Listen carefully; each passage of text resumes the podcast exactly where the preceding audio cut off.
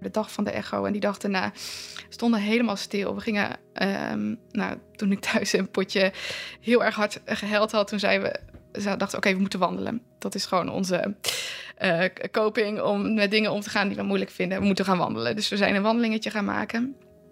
En ik weet nog dat we hier op een bankje zaten, hier in Vierhout. En dat we echt gewoon helemaal stil waren. Het idee dat ik een kindje in mijn buik had, die daar dus nog zat. En die dus gewoon niet meer leefde. En het voelde voor mij echt alsof ik gewoon een lijk over mijn rug droeg. Dat iedereen kon zien, terwijl niemand het kon zien natuurlijk. Maar het voelde zo aanwezig en het nam zoveel ruimte in. Ja. Als Hanna 12 weken zwanger is, blijkt bij de termijnecho dat hun kindje niet meer leeft. Zij en haar man Maurits zijn er kapot van. Maar ze is niet de enige in de familie die op dat moment met verlies te maken heeft. In Miskraammonologen, een podcast van Ouders van Nu, het AD en de regiotitels, vertelt Hanna hoe ze daar als familie mee omgaan en welke rol haar geloof daarin speelt. Net zoals dat een vrouw het kind dat ze gedragen heeft nooit zal vergeten, zo vergeet God mij nooit. Na het verdrietige nieuws wacht Hanna twee weken af of haar miskraam vanzelf op gang komt. Hun kindje krijgt een naam, Samuel. En als hij niet komt, krijgt ze pilletjes mee die de miskraam op moeten wekken. Al snel krijgt ze buikpijn. Uiteindelijk ehm, om uh, half zes middags, toen uh, denk ik, oh, ik moet poepen. Dus ik ging mijn bed uit en ineens, pat, er knapte iets van onderen en alles was nat. En toen, had ik, toen was echt gewoon paniek. Ik denk, wat gebeurt hier? Je bent echt zo de controle over je hele lijf kwijt. Um, en uh, we dachten, oké, we moeten alles opvangen, want we wilden heel graag ons kindje zien. Um, maar goed, het overgrote deel bestaat ook uit allemaal stolsels. En dus we hebben alles opgevangen in allemaal bakjes met water, boterpotjes en shampootjes. En die hadden we allemaal van tevoren schoongemaakt, allemaal water in gedaan. Dat stond allemaal al klaar. En toen uh, al vrij snel, toen uh, zagen we dus tussen een van, in een van die bakjes, zagen we iets dat we dachten, hé, hey, zou dit dan ons kindje zijn? Maar het was dus ook niet direct herkenbaar. Het was wel, je zag iets in vorm van een, uh, van een kindje. Maar het zat natuurlijk ook al zoveel weken in mijn buik, terwijl het al overleden was, dat het um, nou ja, ook echt wel beschadigd was. Uh, en hoe langer dat dan in het water ligt, hè, de watermethode heet dat, um, nou dan gaat het ook steeds zichtbaarder worden. Want het bloed dat lost allemaal op in het water. En als je dus het water steeds vervest, ja, dan zie je eigenlijk steeds mooie kindjes voor je ogen verschijnen. Het was echt ja, het was op een bepaalde manier prachtig. Uh, we zagen een mini-mini neusje, echt misschien 1 millimeter groot. We zagen teentjes op een gegeven moment. Nou, ik zei tegen Maurits, oh, ik zie teentjes. Nou, het was echt zo intens. En je voelt je eigenlijk ook gewoon een soort trots. Het is echt, oh, we zijn papa en mama. En ons kindje is geboren en het ziet er zo prachtig uit. En um, maar goed, aan de andere kant natuurlijk ook van, oh, dit is, het, het hoort hier niet. Het hoort in mijn buik, het hoort te leven. Dat is zoals het bedoeld is. Ja.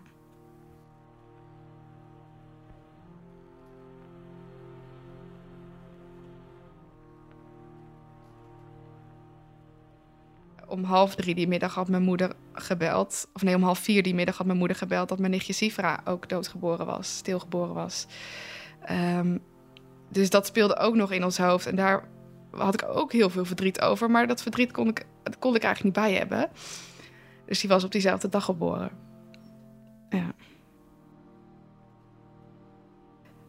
Uh, nou, mijn zus, Rianne, is mijn oudste zus. En uh, die was op hetzelfde moment zwanger als ik. Of in dezelfde tijd bedoel ik. En uh, die was 25 weken zwanger toen ze hoorde dat het helemaal niet goed ging met hun uh, kindje, hun dochtertje. En um, nadat ze dat gehoord hadden, een dag later, toen bleek hun kindje al overleden te zijn. Met 25 weken dus. En uh, hun kindje is met 26 weken stilgeboren in het ziekenhuis. En dat was dus op dezelfde dag, ook op 2 juli 2020.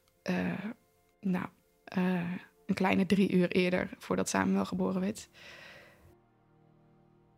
je houdt ontzettend van je nichtje. En we hadden er ook al naar uitgekeken als hele familie. Want wij wisten natuurlijk wel dat zij zwanger waren. En we hadden ons ook al verheugd over het idee van... oh, dan zijn we zo meteen allebei uitgered... of hebben we zo meteen allebei een baby. En wat bijzonder. En dat wisten wij natuurlijk alleen... want zij wisten nog niet dat we zwanger waren. En toen hoorden we dus ook ineens dat Sifra ook was overleden. En het echt wat door mij heen ging was gewoon... nee, nee, nee, dit kan niet, dit kan niet. Ehm, laat het niet waar zijn. Eigenlijk wel een beetje dezelfde soort gevoelens... als die ik had toen Samuel uh, bleek dat hij niet meer leefde. Ja, dat, dat was... Uh, ontzettend zwaar. Ja. ja. Kijk, en um, ja, het was dus op dezelfde dag. En wij hadden dus twee dagen later hadden wij Samuel begraven. Een week later gingen we naar de begrafenis van Sifra. Um, en in die week zijn we ook nog een keer bij Sifra wezen kijken. En dan zie je ook zo'n, ja, ook al zo'n prachtig meisje. Net als Samuel, zo anders, maar ook net zo prachtig. En um, maar op hun eigen manier prachtig. En zoals bij Sifra, je kon zien dat het een meisje was. Uh, je kon zien dat haar mondje, die leek een beetje op het mondje wat mijn nichtje Hadassa, die nog wel leeft, dat leek op elkaar. Dus je zag al veel meer die kenmerken, gewoon echt die, die, die eigenschappen, de persoonlijkheid, zeg maar.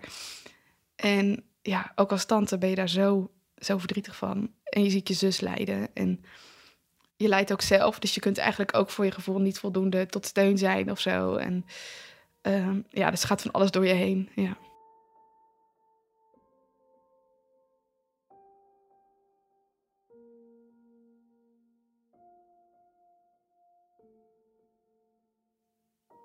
Zij hebben Sifra vast kunnen houden, kunnen knuffelen, prachtige foto's kunnen maken als gezin met elkaar. Um, nou, we hebben van samen wel ook wel foto's gemaakt, maar uh, ja, wat ik bijvoorbeeld heel erg moeilijk vind, is dat ik samen wel nooit heb vastgehouden. En achteraf denk ik daar nog wel eens, is dat eigenlijk het enige waarvan ik nog wel eens denk van, oh, had ik dat toch maar even geprobeerd. Even in mijn hand houden, even dat gevoel van contact, huid op huid. Um, maar ik durfde het niet. Het was zo'n kwetsbaar lichaampje, dus ik durfde het gewoon niet. Um, dus ja, dat, dat waren zeg maar verschillen. Maar ik, ik denk dat je niet zozeer moet denken in verschil in impact. Het is op een, op een andere manier. En um, dat is eigenlijk ook wel echt iets wat ik heel erg geleerd heb van deze gebeurtenissen in ons leven. Dat verdriet kun je niet vergelijken. Dus laat het er alsjeblieft gewoon zijn zoals het er is. Laat het de ruimte innemen die, die het inneemt. Um, want als je het gaat vergelijken, dan krijg je zelf de neiging om te denken: ach, maar van ons was het maar een miskraam. Of ik heb maar één miskraam gehad. Maar dat zijn eigenlijk vooral gedachten die ik mezelf aandoe. Want als ik daarover open ben naar andere mensen, welke impact het heeft of kan hebben, um, dan krijg je dat begrip ook wel van andere mensen. Mijn zus zei ook wel een keer van, nou ja, zolang jij bereid bent om naar mijn verhaal te luisteren, ben ik ook bereid om naar jouw verhaal te luisteren. Of bereid in de zin van, nou, dan heb je daar ook ruimte voor in je hoofd, zeg maar. Hè? Als je zelf je eigen verhaal kwijt kunt, dan heb je ook ruimte in je hoofd om andermans verhaal aan te horen. Maar het was denk ik meer in de periode daarna, toen dat we, uh, ja, dat we ook wel uh, echt goed contact hadden over toch heel veel dingen die ook wel overeenkwamen in het verdriet, wat we dus allebei hadden. Nou ja, eigenlijk het verdriet over iets wat er nooit is geweest. Um, eigenlijk. Ja, de zwangerschap is er geweest, maar je kent het kindje niet. En allebei heb je daar allebei zo naar verlangd. Naar het ontdekken van de persoonlijkheid van je kindje. Wat voor kindje zal het zijn? Zal het, uh, wat voor type zal het zijn? Um, ja, al die verlangens, zeg maar. Die dus ineens, waarvan je dus ineens weet van... oh, die zal ik nooit uh, kunnen gaan... Uh, of ik, ik, ik zal dat allemaal nooit weten van mijn kindje. Dat is een overeenkomst, zeg maar, die we allebei hadden. En ja, daarin voel je elkaar dus wel aan. Ja.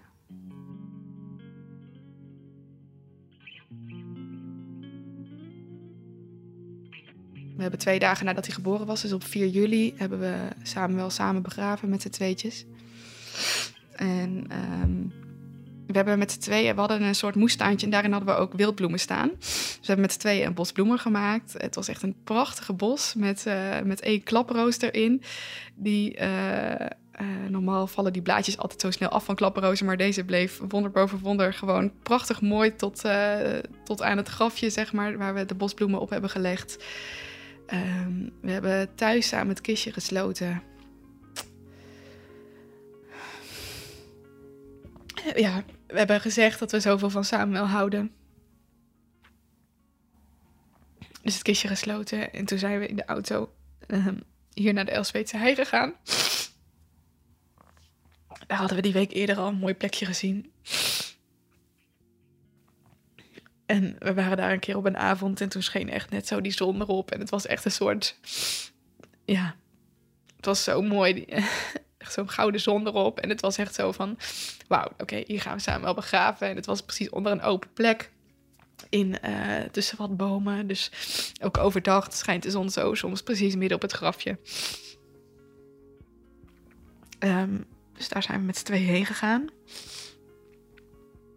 En um, het, het, regende heel zachtjes. Het was echt een soort alsof de hemel meehelde. Maar het was echt een fijne regen. Het was echt heel zachtjes. En het, het was eigenlijk een soort verkwikkend. En toen hebben we samen bij het grafje we, uh, nog een psalm gelezen uit de Bijbel, psalm 126. En dat gaat erover dat als je met tranen zaait, dat je dan met vreugde zal maaien. En dat je je schoven zal dragen. Um, dus het was eigenlijk een psalm vol hoop. En het voelde voor ons ook echt als een soort zaaien. Maar ook in het besef dat we wisten, um, Samuel is nu bij God. En daar is het goed. Daar is het veel beter dan dat wij hem ooit hadden kunnen geven. Of zij. en dat was eigenlijk onze enige baken van troost. Want zoals ik al zei, je wilt het beste voor je kindje. En je weet dat je niks meer kan doen voor een kindje wat al overleden is. Um, dus ja, je kunt nog zo'n mooi grafje zoeken. Je kunt nog zo'n mooi kistje zoeken. Je kunt nog zo'n mooie bos bloemen maken voor je kindje. Um, en dat helpt ook heel erg allemaal voor jezelf. Maar je weet ook dat, tenminste, wij geloven uh, dat Samuel daar eigenlijk ach, die had er misschien om gelachen. hij dacht waarschijnlijk of zij in de hemel, als hij dat überhaupt al gezien zou hebben, dan zou hij waarschijnlijk denken van, ik zie hier veel mooiere bloemen. En um, ik ben hier in de tegenwoordigheid van Jezus, waar het goed is. Veel beter dan jullie het voor mij kunnen maken. Het was eigenlijk wel gewoon echt heel mooi.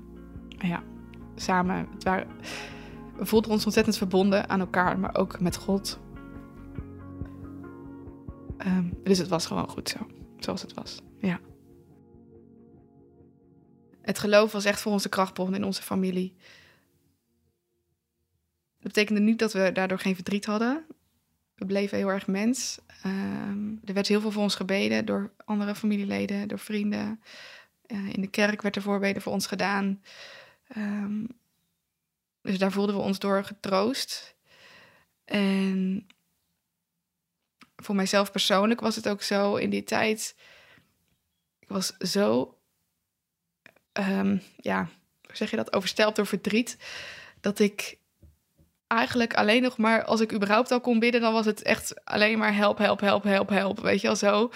Um, nou, we houden heel erg van zingen in onze familie. Dat doen Maurits en ik ook heel erg vaak. Uh, dagelijks deden we dat sowieso. Gingen we liederen zingen of zo. En ik heb gewoon een paar weken lang niet kunnen zingen. Ik, um, ik kon het niet.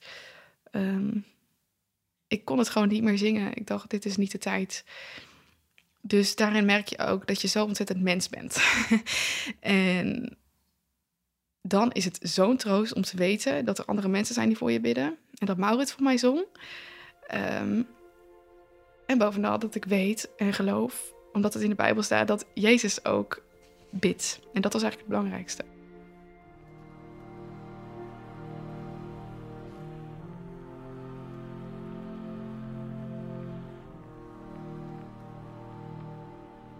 Nou, de rouw blijft. Um, maar het geeft perspectief en hoop en het is niet zinloos. En dat maakt dat je eigenlijk ook een soort van dankbaar kan zijn voor die, voor die rouw. En um, ja, zoals um, Manu Kiers, dat is een, uh, ja, een goeroe zeg maar, op het gebied van, uh, van rouw, die schrijft ook ergens van... Verdriet is de keerzijde van liefde. En dat was voor mij ook een soort eye-opener van...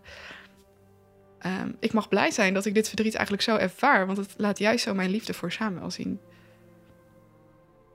En dat vind ik tegelijkertijd ook weer een lastige, want ik, ik weet ook dat sommige vrouwen die een miskraam meemaakten daar minder verdriet over ervaren. Dus dat kan ook, denk ik. Ehm, dus daar wil ik ook geen oordeel over hebben of zo. Want dat is er gewoon. Weet je, nogmaals, je moet dingen niet vergelijken. Zeker geen verdriet. Maar zo was het voor mij. Ja. Als de uitgerekende datum van Samuel is verstreken, willen Hanna en Maurits het weer proberen voor een kindje. Maar Hanna merkt dat het lastig is. In eerste instantie, uh, vrij kort na de miskraam, toen dacht ik van ik wil nooit meer zwanger worden. Ik wil het nooit nog een keer meemaken. Toen heb ik wat gesprekken gehad bij een uh, eh, GZ-psycholoog. Um, ehm, nou, en toen leek het erna, nou dacht oké, uh, gaat wel weer. Maar toen werd dat gevoel van ik wil nooit meer zwanger worden eigenlijk alleen nog maar sterker. En toen uh, ben ik dus nog weer een keer naar haar toe geweest. En toen heeft ze EMDR gedaan op het toekomstbeeld zwanger worden. En dat heeft me heel erg geholpen om bepaalde angsten onder ogen te zien en, en om die ook op een goede manier te kunnen verwerken. Omdat toch die miskraam best wel wat ja, traumatische gevolgen voor mij had. Wat we met EMDR deden was dat ik um, een bepaald beeld in gedachten moest nemen. En dat was bijvoorbeeld het beeld van: uh, oké, ik lig op die onderzoekstafel van de verloskundige en ik kijk naar dat beeld van die echo. En ik weet van tevoren niet wat er op daar gaat komen. En dat was zo'n angst voor mij. En ik zag daar zo tegenop. En ik dacht, dat wil ik nooit meer. Omdat het gewoon die angst van zometeen is daar een kindje te zien waarvan het hartje niet meer klopt. En die geen bloeddoorstroming meer heeft. En nou ja, dat, dat beeld haal je dan voor je. En um, uh, nou, dan is er zeg maar zo'n lichtbalk die heen en weer gaat. En waardoor je het eigenlijk. Um, ik weet eigenlijk niet precies hoe, hoe dat zit in je hersenen, maar het wordt dan op een andere manier opgeslagen waardoor het niet meer die heftige emotionele lading krijgt. Dus kijk, natuurlijk, ik herinner me alles nog wel van de miskraam, maar um, het is niet meer zo alles overheersend. En nou, toen hebben we daar uh, één of twee sessies mee gedaan. En dat hielp me dus eigenlijk weer om, uh, om mijn zwangerschap voor me te zien, om het te zien zitten. En toen werd ik dus weer zwanger van, van Victoria was een hele spannende zwangerschap. Het was echt leven van echo naar echo. En als ik weer een goede echo had gehad, was ik weer even één dag opgelucht. En dan begon de spanning weer, totdat ik twee weken later weer een echo had. En nou, dat herhaalde zich zo.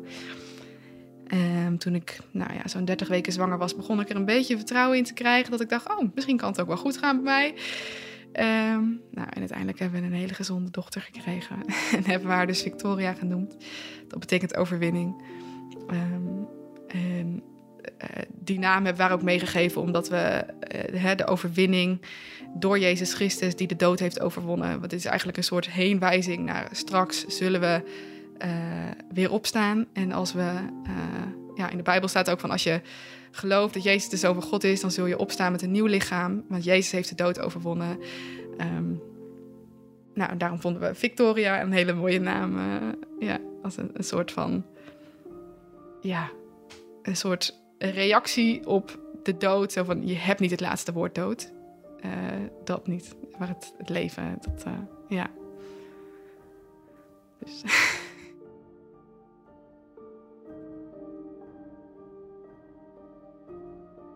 Wat ik heb geleerd in dit proces is van... Um, je moet leren om je rouw te verweven met je leven. Maar je moet ook leren om het goud wat eruit komt te verweven met je leven. Want ja, dus dat is zeg maar, kijk, als ik zeg van ja, ik had het niet willen missen, dan, dan lijkt het alsof ik zulke mooie dingen erop meegemaakt. Maar eigenlijk al die mooie dingen en die lessen staan best wel in schril contrast met het verdriet en de pijn die je hebt. Maar aan de andere kant moet je dat ook accepteren. Van oké, die mooie dingen zijn er ook. Dus dat moet je ook leren als vrouw. Hè? Dat van oké, het verdriet mag er zijn, maar ook die mooie dingen mogen er zijn om het leven te waarderen. Want um, ik leef nog. En in die weken na de miskraam uh, leek het wel alsof ik mentaal gezien samen met Samuel het graf ingegaan was. Maar ik moest ook echt leren van, um, om het leven te waarderen, ook het korte leven wat Samuel heeft gehad in mijn buik, mag ik ook het goud verweven met mijn leven en de mooie dingen. Er is leven geweest. Er een prachtig kindje geboren. Heel klein, heel kwetsbaar, maar wel prachtig. En dat kindje heeft ons papa en mama gemaakt. En daardoor hebben we op een hele speciale andere manier dingen over, over God mogen leren, wie God is. En uh, dat zijn allemaal hele mooie dingen. En eigenlijk waarderen we het leven juist als we dat er ook laten zijn. Dus dat is voor mij een manier om eigenlijk het, het, uh, zowel de, de rouw als het goud te verweven in mijn leven. Ja.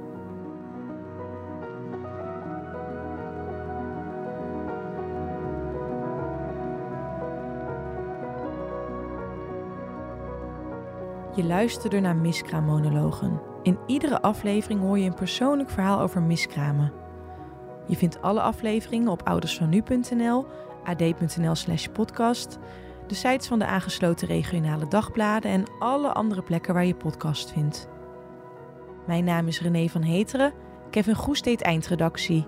En voor deze aflevering speciale dank aan Hanna en Mirjam van Krij van Miskraambegeleiding Nederland.